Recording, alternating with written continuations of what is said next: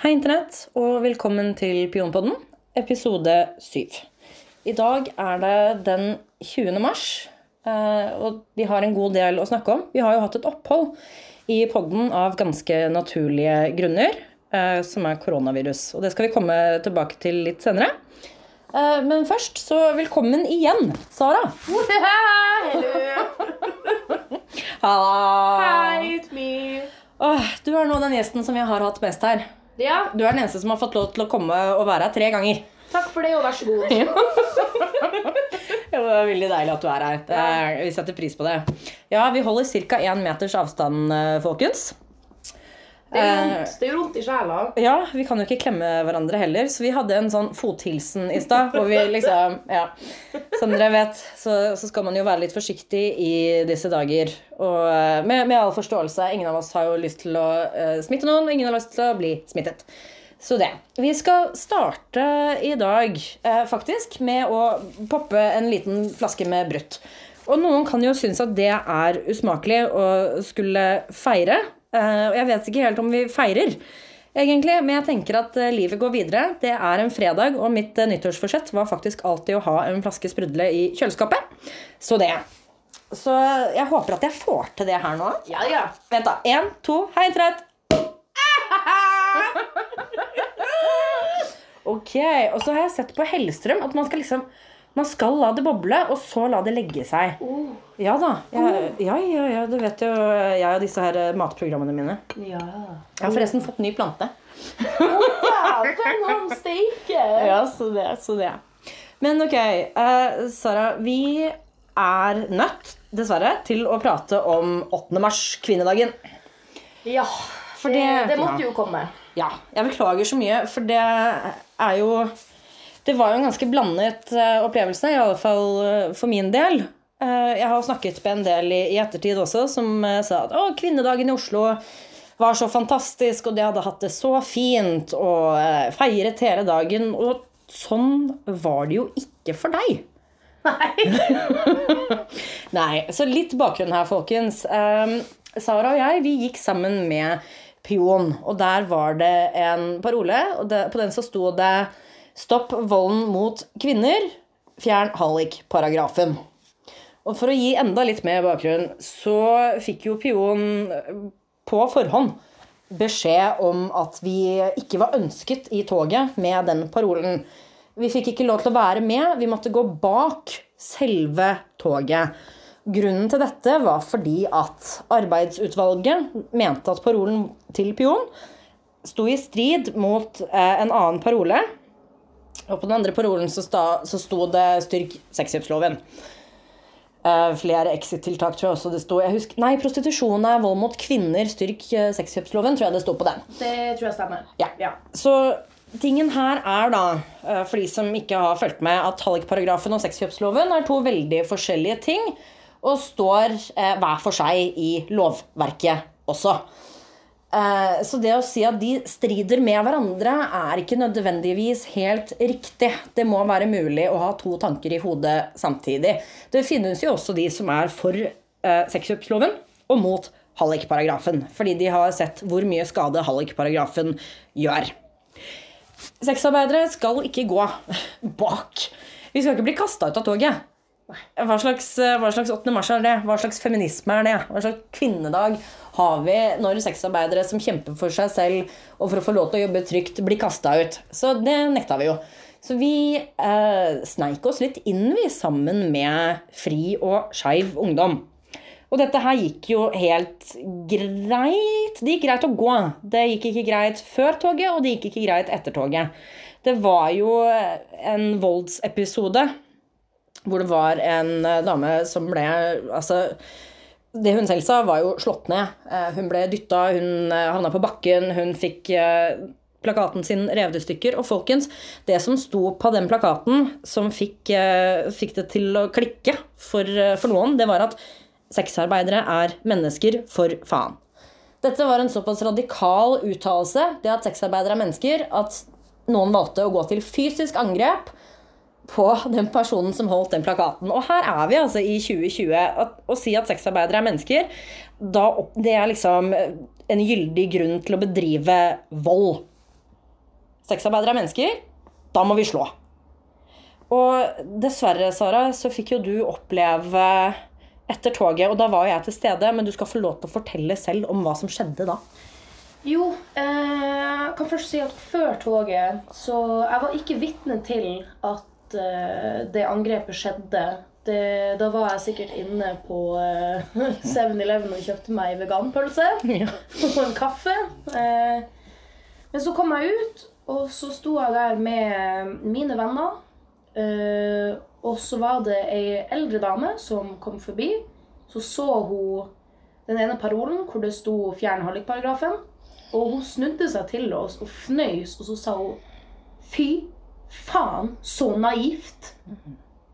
Og så begynte hun å kjefte på noen andre. Og det jeg, jeg, jeg sto der og bare sånn OK, vi er der. Det orker ikke jeg å forholde meg til. Fuck you. Livet går videre. Så gikk vi i toget. Det gikk greit. Og så var vi ferdige med å gå i toget. Og vi samla oss sånn halvveis, litt sånn bortenfra det stoppunktet. Så kom hun samme dama bort og begynte å kjefte og smelle og hoie og hute og tute og hele Ja, på en av våre allierte.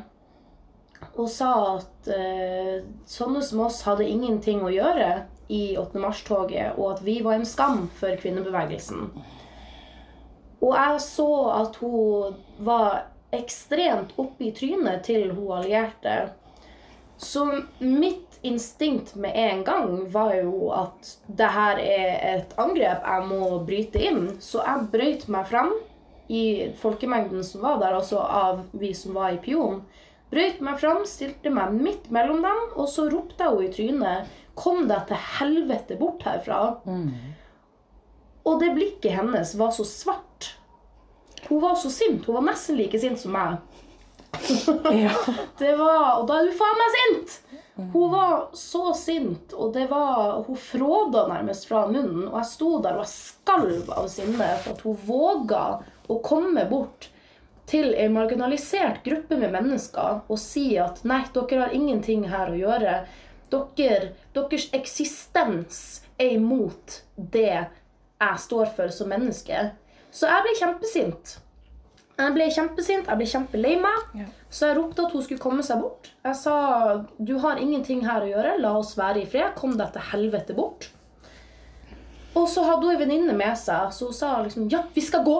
Jeg skal bare hente venninnen min. Jeg bare sånn, ok. Sto helt i ro. Fulgte med at hun faktisk skulle hente venninna si, for hun var ikke ferdig med å spille.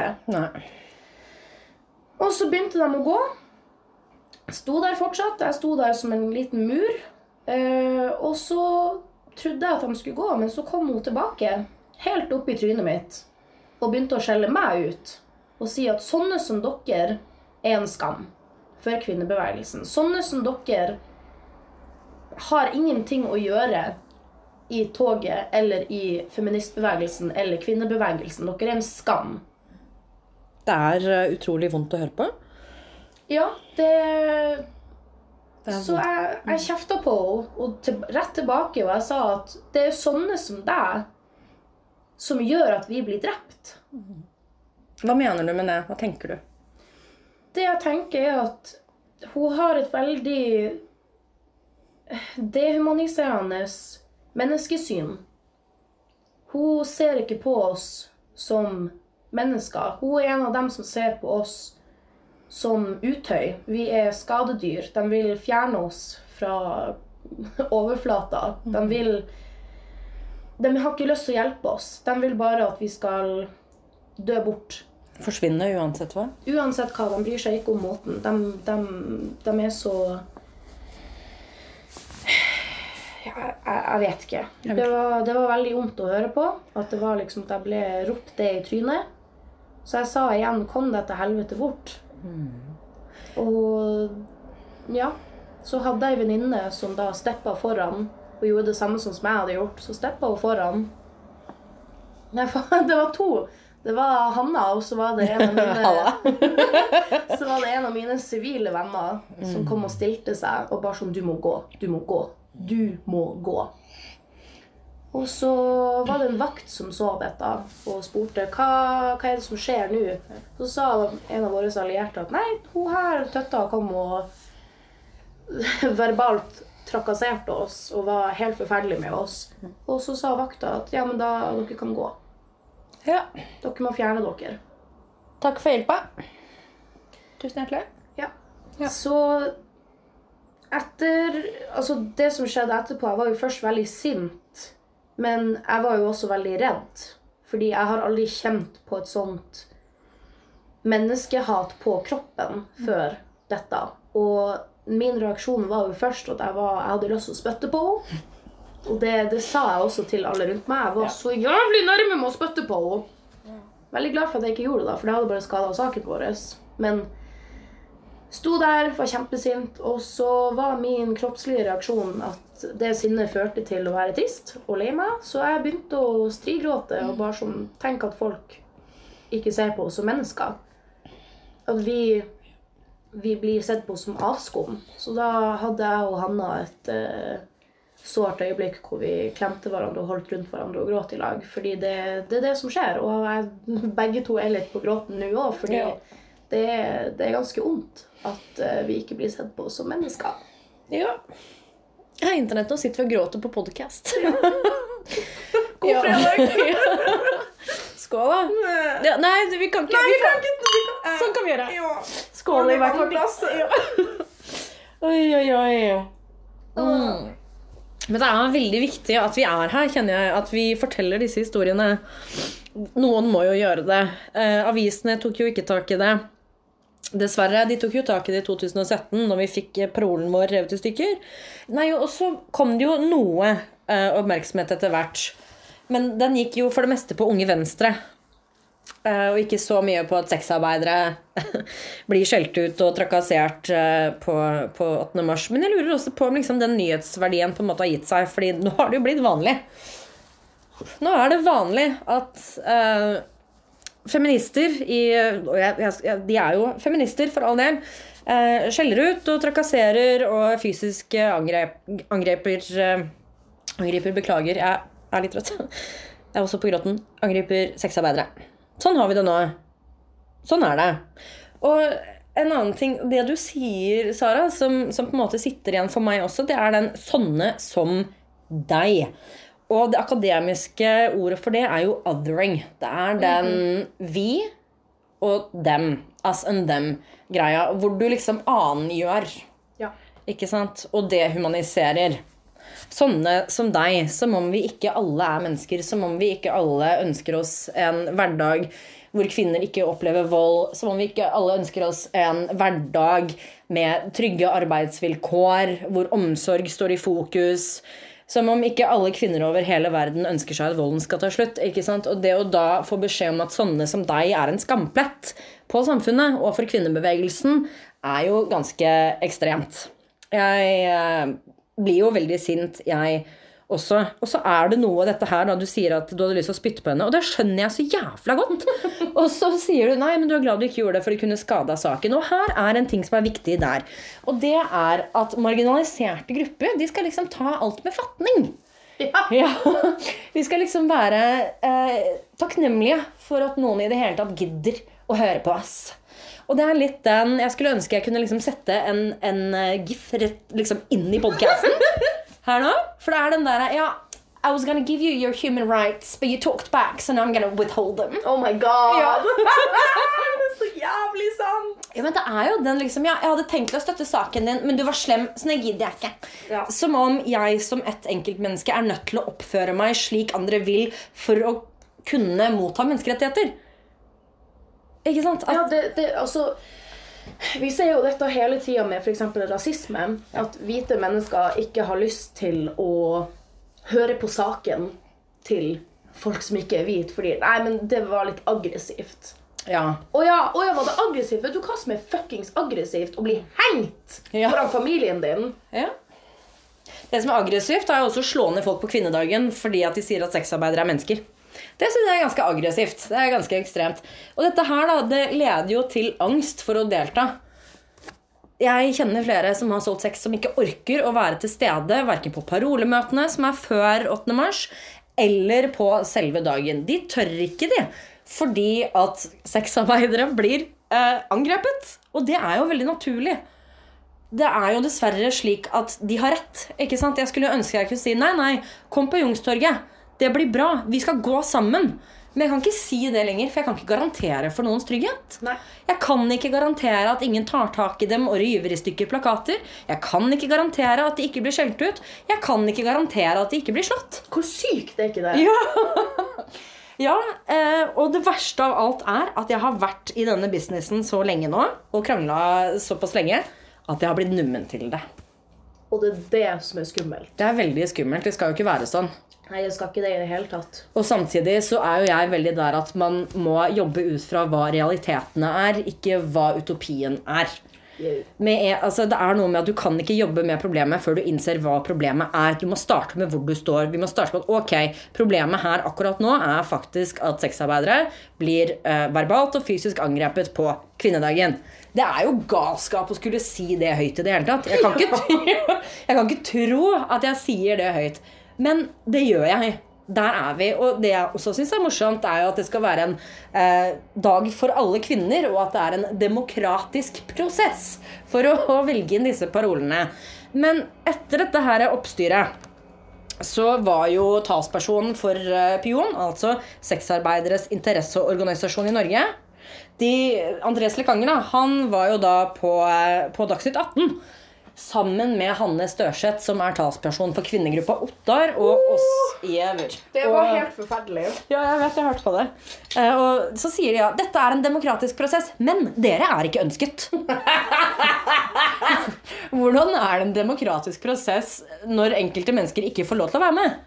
Nei, det er jo ikke en demokratisk prosess i det hele tatt. Ja, altså Nå forsker ikke jeg på demokrati eller eh, samfunnsbestemmelse, sånn sett, men jeg har jo mine år med filosofi bak meg og menneskerettigheter. Og jeg tror ikke vi skal kalle det en demokratisk prosess når man aktivt prøver å trakassere og shame folk ut fra å delta på møtene. Det er ikke en åpen eh, prosess, det er ikke en demokratisk prosess. Så da må man jo faktisk si at nei, denne dagen er for disse kvinnene og ikke disse. Dessverre. Og nå har det jo også kommet inn Det skulle jo være et evalueringsmøte nå i mars. Det er selvfølgelig avlyst pga. Av korona, og det tenker jeg er greit. Vi skal ikke samle masse mennesker i små lokaler nå. Det må vi holde oss unna. Men en av de vedtektene To vil jeg faktisk ta opp. Den ene er at tidligere så sto det at de som identifiserer seg som menn, kan ikke stemme på møtene. Det skal nå endres, er forslaget, til kun kvinner kan stemme. Og da får vi en ny diskusjon om hva og hvem er kvinne. Ja, det er jo en slippery slope. Til helvete, ja. Ja da. Det, det er jo en invitasjon for TERFs å komme med eh, propaganda. Hva er en TERF? Eh, Trans-exclusionary radical feminist. Som vil si at de ikke tror på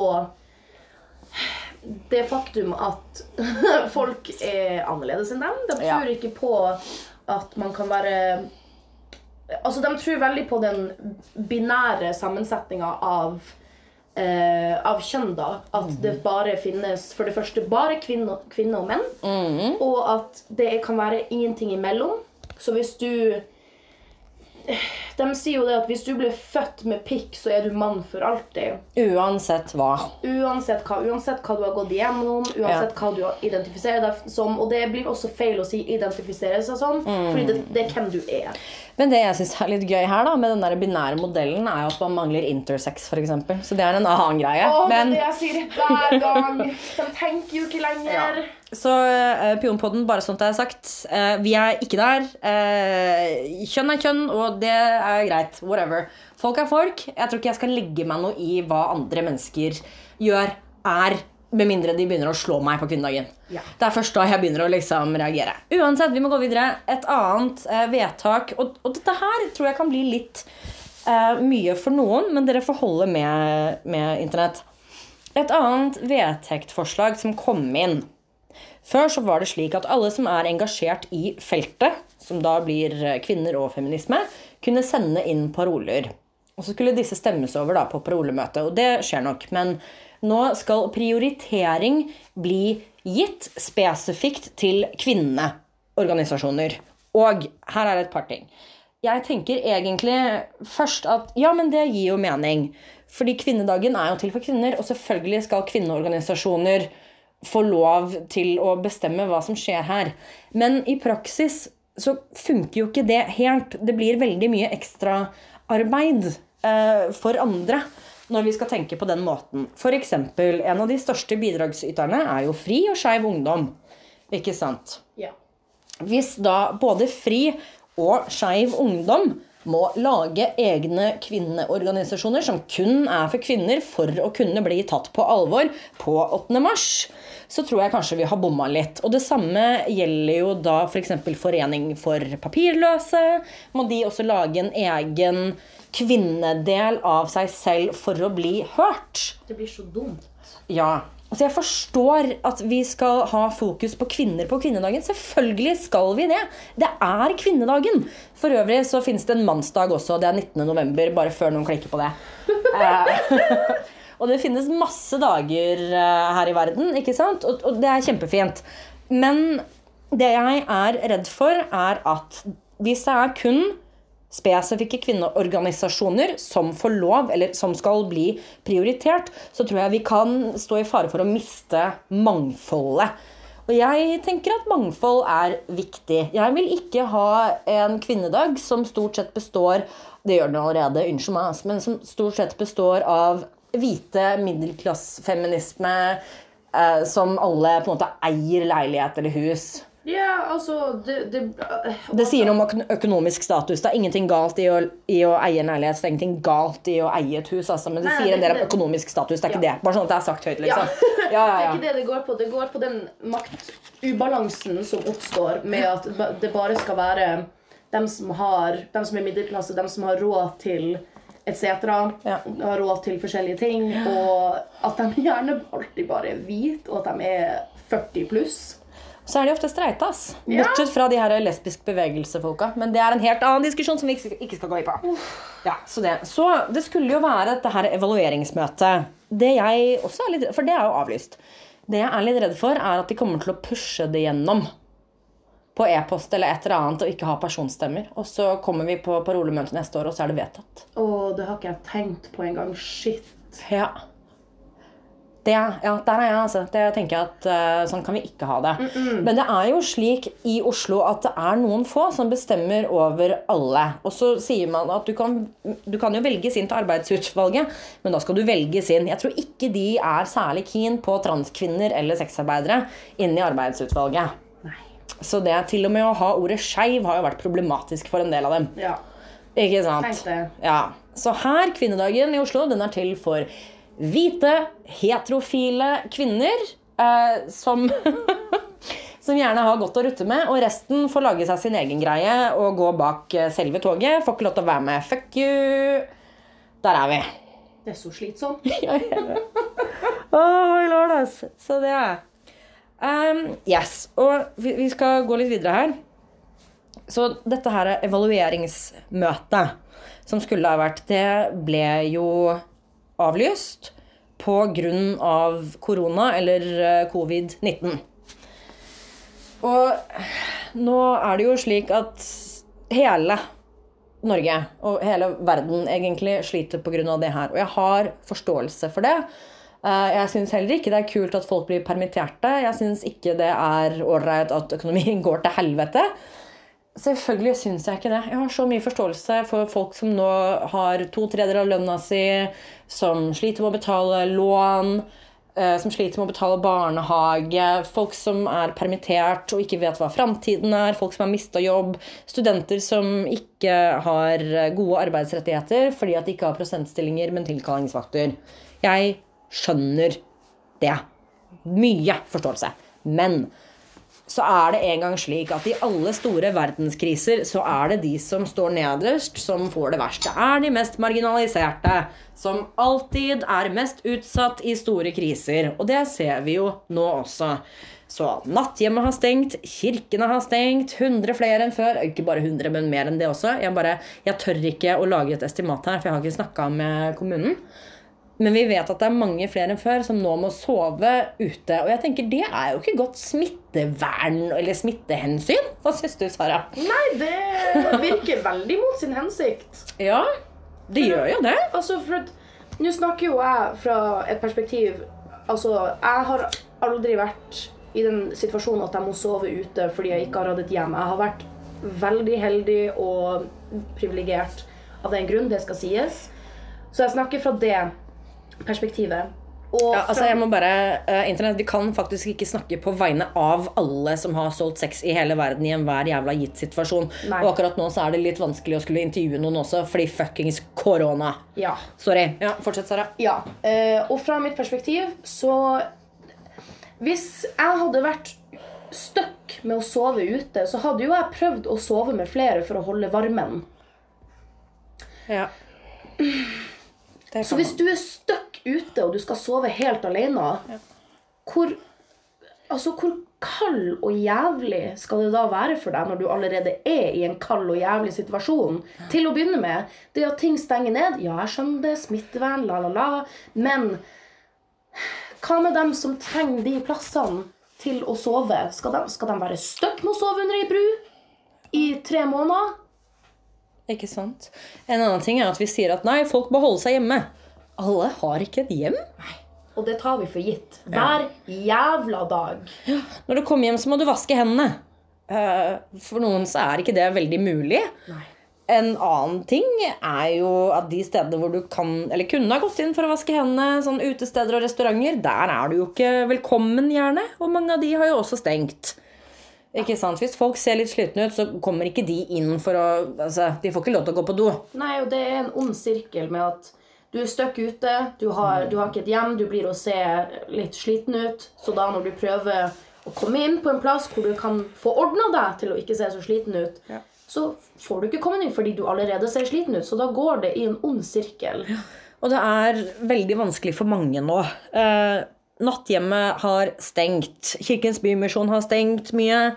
Prosenteret er stengt, og Nadheim er stengt. Så Nadheim er et tiltak fra Kirkens Bymisjon hvor man kan komme og få mat og få snakke med noen. og Det er hurtigtest, annet, og det er kondomhenting. Det er stengt. Prosenteret kan du teste deg for eh, stort sett alt, egentlig. Og du kan også få mat, og så er det bingo der. Og der er det også mulighet for å snakke med folk. Sykepleiere, sosionomer, sosialarbeidere, miljøarbeidere osv. Stengt. Alt er stengt. Og, det å da skulle si liksom Nei, bare hold dere hjemme. Det er litt vanskelig fordi Eller litt vanskelig, det er ganske vanskelig for de som allerede står nederst på denne rangstigen. Men hei! Vi har jo utsatt formuesskatten, da! og så har vi, og Det var noe av det første vi gjorde, og det syns jeg sier veldig mye om hva slags samfunn vi lever i. Det første vi gjorde, det var å flytte på formuesskatten. Og det andre vi gjorde, det var å ta bort flyseteavgiften. Satan i helvete. Ja, heia Norge! Oh! Verdens rikeste land. Inkludering! Mm, My fucking ass! Ja, Så det vi vet, da, er at mange sexarbeidere, eller folk som selger sex akkurat nå, de har pengeproblemer. Ja. Ja, Det er mange som ikke tjener penger akkurat nå, og det er flere grunner til- det. Jeg skal gå litt gjennom de. Så nummer én Jeg, for eksempel, har jo ikke lyst da til å ha kunder nå. Jeg er redd for å bli smittet. Jeg er redd for at hva hvis jeg smitter dem? Og hvis jeg blir, altså, Hva hvis jeg plukker opp da, dette her viruset fra dem, og så merker ikke jeg noe på en stund, og så er jeg f.eks. rundt bestemor eller syke eller folk i risikogrupper? Altså folk med astma, ikke sant? Det kan være livsfarlig. Det, det, det. Jeg hadde jo egentlig en avtale med en av mine favorittkunder, Ja. som er helt nydelig. Skulle egentlig møte han. Men så innså jo jeg at vet du hva, den risikoen kan ikke jeg ta likevel. For det det er for risikofylt. Og da mister jeg den inntekta, den, den lille inntekta som jeg kan ha, som i seg sjøl også er veldig skjør. Ja. For den er ikke gitt. Det er ikke alltid at jeg får ei booking. Nei, det er ikke det. Og noen ganger så får du en booking, og så avlyser de i siste liten jævla asscunts. Det er Ja. for øvrig noe annet også. Ja. Men ja, så sexarbeidere, folk som selger sex, de står da mellom å være med på denne her dugnadsånden, som er å holde seg hjemme, ikke alle har et hjem, eller å kunne gå ut og ta kunder og risikere smitte. Tingen er da Det er ikke alle som har råd til å bare bli hjemme. Så vi sitter jo da mellom barken og veden, er ett uttrykk. Eh, noen kan jo også si velg mellom pest eller kolera. ja. Så nummer én eh, få viruset, smitte andre. Ikke bra. Nummer to ikke ha råd til å betale husleie, bli kasta på gata og sulte. Hva hadde dere gjort? Ja, men Det er jo et helt umulig valg. Ja, det, det, det går ikke. Jeg sendte mail til min huseier fordi jeg er en av de heldige som har en plass å bo. Sendte mail til huseier og sa at uh, ja, her er situasjonen. Jeg er fulltidsstudent.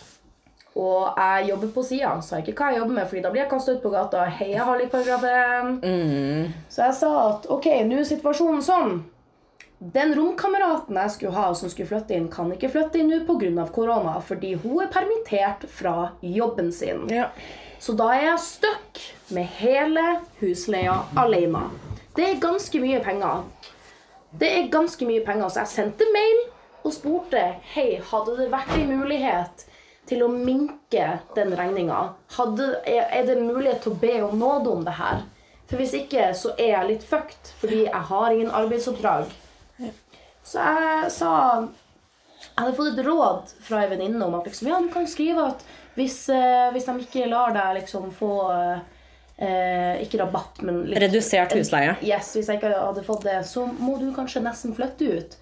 Så jeg hinta til det og sa at jeg må kanskje flytte ut hvis det her skjer. Ja. Så det jeg fikk i svar fra huseier, var at nei, vi kan jo ikke gi redusert det. Det går jo masse utover oss også. Så eh, du får si ifra om du må flytte ut, da. Å, herre Jesus. Jeg kjenner jeg blir så provosert. Jeg blir så sint. Ja. Det er sånn å si at ja, du kan bare flytte ut under en pandemi. Ja. Ja, ja. Ja, ja, du på 22 år som ikke har noe familie Ja. som bor i denne byen. Ja, du, du kan bare flytte ut nå, fordi det kommer definitivt til å være alternativer til deg.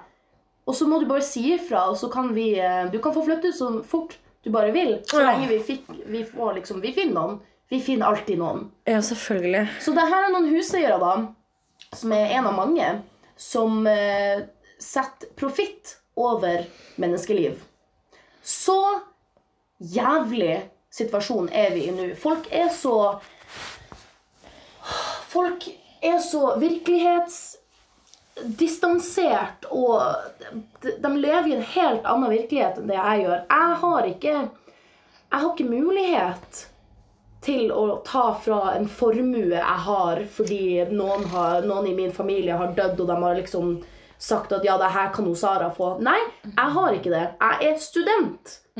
Jeg lever på stipend, og jeg lever på det jeg får på bookinger. That's it. Jeg har ingen sparepenger. Jeg har ingen sparepenger. Jeg har ingen arbeidsrettigheter. Jeg har ingenting å hente fra. Og det er veldig viktig her. Eh, Nav er jo Altså, jeg har fått beskjed ja, nei, gå på sosialen eller gå på Nav eller sånne her ting. Og for det første så må vi jo da nevne at det er mange som selger sex som er migranter. De har ingen rettigheter på Nav. Det andre er jo at mange tør ikke gå, gå på Nav. Eh, fordi da blir det jo spørsmål om ja, nei, hva er jobben din? Og så skal du si at du selger sex, da. Og så blir jo det et problem i og for seg selv. Eh, det er mye stigma der ute. En annen ting er at hvis du ikke kan vise til inntekt eh, de siste årene, og det kan jo gjerne ikke vi Vi har ikke noen eh, lønnsslipp å vise til, vi har ikke noen arbeidsgivere som kan backe oss opp. Vi har veldig lite av det her. Det er vanskelig å lage enkeltpersonsforetak. Det virker kanskje ganske lett, men finn meg akkurat hvilken kategori jeg skal sette sexarbeid i, da. Ikke sant? Og det er ikke bare bare å ha et enkeltpersonsforetak. Vi snakker om en marginalisert og utsatt gruppe som kanskje ikke har så mange valg her i verden. Å skulle lage et enkeltpersonsforetak i og for seg selv er ikke nødvendigvis en god løsning. Nei, og spesielt altså, når, når vi tenker på at det er ikke lett for oss, hva med migrantene? Ja. Det er i hvert fall ikke lett for dem. Ja. Og så er det noe med at noen som selger sex, eh, er allerede på Nav. Men stønadene er så lave at de må selge sex ved siden av for å få det til å gå rundt. Ja. Ikke sant? Så da funker jo ikke det heller. Og de som har barn, vil heller ikke bruke Nav, for de er redde for at barna skal bli tatt fra dem. Og det har vi sett før. Sånn er det. Og tilbake til dette her med, med migranter, da, for nå stenger jo grensene. Og det var det faktisk ikke alle som visste, fordi all informasjon blir gitt på norsk. Det fungerer dårlig hvis du er fra Romania, Bulgaria, Russland, Litauen. Ikke sant? Så de har jo kjempestore utgifter nå til bolig og hotell, mat og medisiner. Men mange av dem vil jo ikke selge sex. De prøver jo å ta dette samfunnsansvaret da, med å ikke smitte og, og ikke bli smittet selv. Og mange melder uansett om veldig få kunder de sitter jo i et fantastisk problem. De sitter jo virkelig i en knipe. Hva skal vi gjøre nå? Nei, det vi skal gjøre, er å flytte formuesskatten og EU-kontrollen på bil. Gratla. Satan i helvete. Ja, Der er jeg, vi! jeg er også ganske sinna her nå, altså. Eh, og så er det problemer med å få tak i medisiner. Det er problemer med å få tak i informasjon om hva man skal gjøre, fordi Prosenteret og Nadheim og Kirkens Bymisjon har stengt. Og en annen ting med altså de som migrerer, eller som også bor her Det finnes jo de som eh, selger tjenester via massasjeinstitutter, og det var nå det første som ble stengt. De stengte massasjeinstituttene før de stengte barene. Og jeg forstår det. Det er ikke det at jeg ikke forstår det. Ikke sant? Jeg, jeg vil heller ikke at denne pandemien skal være for alltid. Jeg forstår at vi stenger frisørene. Jeg forstår at vi legger ned massasjeinstituttene. Dette er helt greit. Men det skaper problemer for mange mennesker som selger sex. Vi har ikke noen ordning. Vi har ingen arbeidsrettigheter, for vi er ikke ansett som folk som jobber. Nei. Om vi hadde hatt arbeidsrettigheter, så hadde jo ikke vi vært her in the first place. Nei. Hvis det hadde vært en bedre boligpolitikk for folk som nå sover i kirker og på nattehjemmet, så hadde ikke de vært der in the first place. Ikke sant? Så disse her lovene og reglene som vi har, får nå veldig store konsekvenser. Og igjen, bare for å gjenta meg sjøl her, det er de som står nederst, det er de mest marginaliserte gruppene, som alltid kommer verst ut av det i en krise. Sånn er det bare. Ja, jeg, jeg vet Jeg har snakka meg varm her, kjenner jeg. Oi, så det Og jeg skulle ønske at vi, vi hadde arbeidsrettigheter. Jeg er redd for meg selv, det er jo én ting. Men jeg er veldig redd for mange andre også. Det er tusenvis av folk, ikke bare i Norge, men også andre steder, som lever under det samme lovverket som vi har. Men i Tyskland så er de jo ansett som arbeidere hvis du jobber på et bordell. Ja. Så de, nå snakkes det om at de skal få stønad for å holde seg hjemme. Og det snakkes om det. De Ja. har ikke fått det. Nei, men det er mye byråkrati i Tyskland. Stemmer. De er verre enn oss. De er faktisk eh, verre enn oss. Så det. Og en annen ting som skjer da i sånne pandemi pandemier, er jo at kriminelle også kommer mer og mer opp. Jeg er livredd for å bli rana. Jeg er så redd for å ta imot usikre bookinger nå, som jeg kanskje må gjøre, fordi jeg har jo ikke vanlige bookinger nå. Og så kommer jeg dit, og så tar de alle tingene mine, og så slår de meg, og så voldtar de meg, og så kaster de meg på gata. Vi vet at sånne her ting også skjer mer under store samfunnskriser. Ja, det, det er en realitet vi faktisk lever i nå. Vi er, vi, altså, de henvendelsene jeg får nå, det, det, det, det, Ja, fortell mer om det, Sara. Vær så snill. Ja, altså, når jeg får Altså, jeg har vanligvis veldig flotte kunder som kontakter meg. Generelt veldig fint. Men nå, fordi de vet at vi er i en krisesituasjon, fordi de vet at vi blir desperat, noen av oss, etter å tjene inn nok penger til å enten kunne betale for mat eller husleie eller whatever De vet at nå er tida til å spørre om ting som vi ellers aldri ville godtatt. De vet hvordan de skal utnytte det. De vet at vi lever i usikre tider. Dette er gjerne finansmenn som kommer inn og sender meldinger bare sånn Ja, og så kan du, eh, kan du møte meg om en time. Jeg betaler deg 2000 kroner ekstra for at du gjør dette. Ja. Har du lyst til å være med på party og moro? Og hva betyr det? Party og moro, det blir oversatt til Har du lyst til å se at jeg tar masse kokain, og så voldtar jeg deg? Ja. Ah, lord, ass. Det, det er ikke greit. Det her det er snakk om mektige mannfolk. For jeg har ikke fått, har ikke fått noen henvendelser fra kvinner fordi de er generelt mye smartere enn menn. I Um, know. Jeg har ikke fått noen henvendelser fra dem. Så det jeg får henvendelser fra, er menn som er kåt, som har lyst til å utnytte meg. De vil at eh, de skal få lov til å kunne basically bruke meg til å runke i. De har ikke lyst til å ha sex med meg. De har lyst til å bruke meg for sin seksuelle fantasi. Og at de da enten kan robbe meg, eller voldta meg, eller whatever. De har ikke lyst, de er ikke interessert i at jeg skal ha en good time. Men nå kommer noen til å si at alle kunder er jo sånn. Alle vil jo bare bruke deg og komme i deg. Ja, Hvis du tenker det, fuck you, da har ikke du hørt på de tidligere episodene. Yes, folkens. Det er da episode tre og seks, tror jeg, hvor du også er med. Yes. Hør på de episodene før dere skal kommentere. Don't fucking come for me. Ja. Altså, don't, det don't at me, bitch. Nei! Men ja, så vi, vi ser jo dette her at enkelte prøver å utnytte denne krisen. Og jeg har jo en, en annen venninne da, som, som også selger sex. Um, hun fikk jo forespørsel fra en som satt i karantene. Nei! Jo! og han var litt sånn Ja, men eh, jeg kjenner meg ikke sjuk, da. Å, din jævla idiot! Ja, ja, ja, ja. Nei, så han ville jo ha selskap, selvfølgelig. For han satt hjemme og kjeda seg. Og det kan jeg skjønne. Jeg kan skjønne at du har lyst på selskap. Men at du da er villig til å smitte noen andre for at du skal få utløp for boneren din Fuck you og alt du står for. Ohoi! Eh, til helvete med deg og hesten du re, re inn på? Ja. Er, det, er det det vi sier? Basically. Ja. Det er, dette her er vanskelig for mange mennesker, og jeg, jeg må bare gjenta det. Fordi jeg så også noen på, på internett, på, på Twitter selvfølgelig, her om dagen som bare Ja, nei, og dere må ikke kimse av det å gå ned i lønn, og dette er vanskelig, og jeg prøver jo å støtte andre grupper. Og det, det er helt greit, eh, jeg prøver ikke å kimse av det, men det er noe med det. Jeg forstår at det er vanskelig å gå ned i lønn, men dere får i det minste lønn. Ja. Altså, Det ja, der forskjellen er ja, det er liksom, ja, nei, jeg har gått ned så mye lønn nå at nå får jeg bare 62% av vanlig lønn. Jeg skulle ønske at jeg fikk 62% av vanlig lønn ved å bare sitte hjemme. Altså, det er ikke alle som kan ha et hjemmekontor. Det er ikke alle som kan bli permittert og fremdeles få penger. Vi er ikke der. Vi blir ikke permittert engang fordi vi blir ikke sett på som arbeidere. Ja. Tygg på den! Yes, bitches. Og folk spør liksom Ja, hvorfor skal sexarbeidere ha arbeidsrettigheter? Vel, dette her er jo én ting da når vi står i en slik pandemi og nå må velge mellom å selge sex og drive med smitte eller betale husleie. Ingen fortjener å bli kasta på gata fordi at det er pandemi. Nei, og hvis du føler det, hvis det er sånn du faktisk tenker at ja, hvis du ikke kan gjøre det, så fortjener du å bli syk.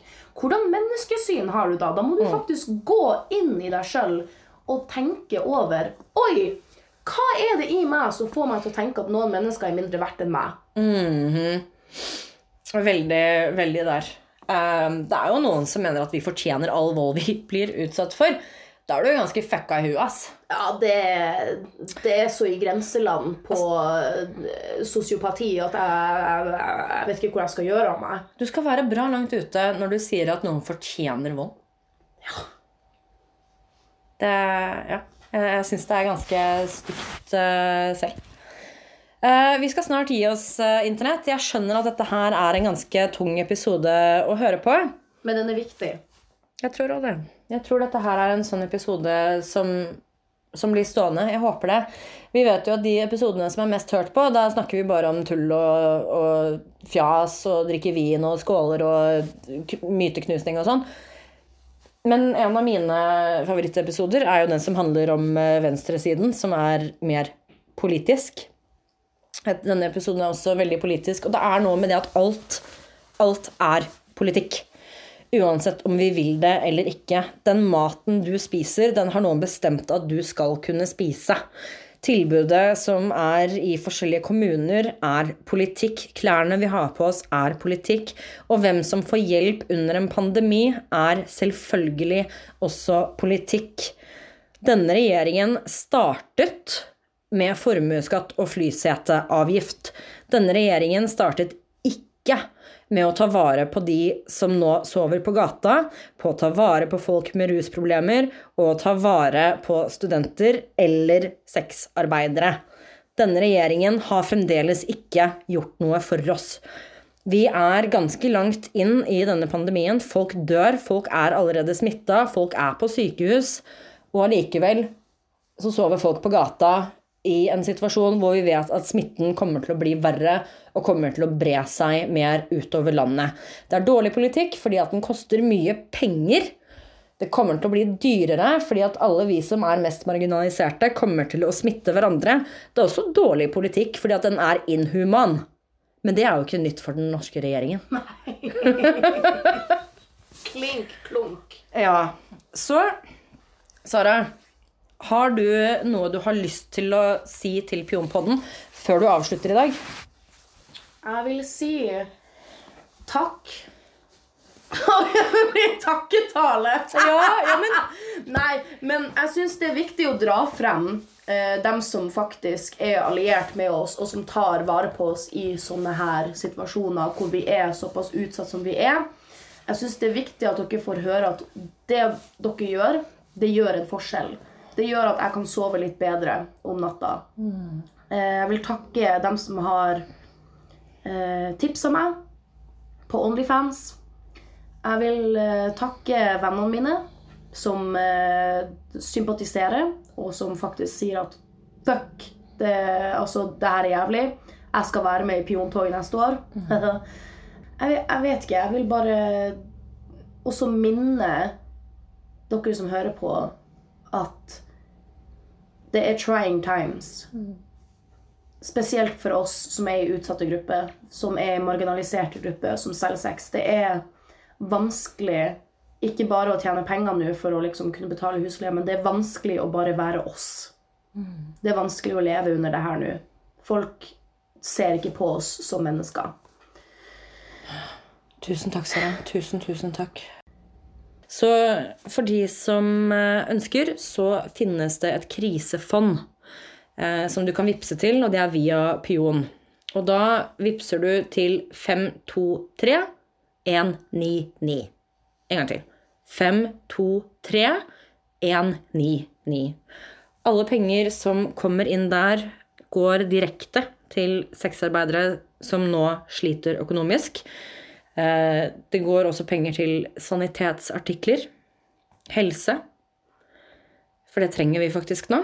Jeg har egentlig lyst til å avslutte denne podkasten på positiv måte og si liksom hold sammen. Og for all del, vær forsiktige, ta vare på hverandre på avstand, som vi sier nå.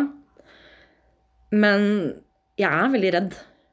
Jeg er utrolig bekymra, og jeg våkner om nettene og vet ikke om jeg har et sted å bo om tre uker. Jeg syns dette er vanskelig. Jeg vet ikke om det er noe mer å si, Internett. Prøv å huske på det her, da. Så prates vi når vi prates.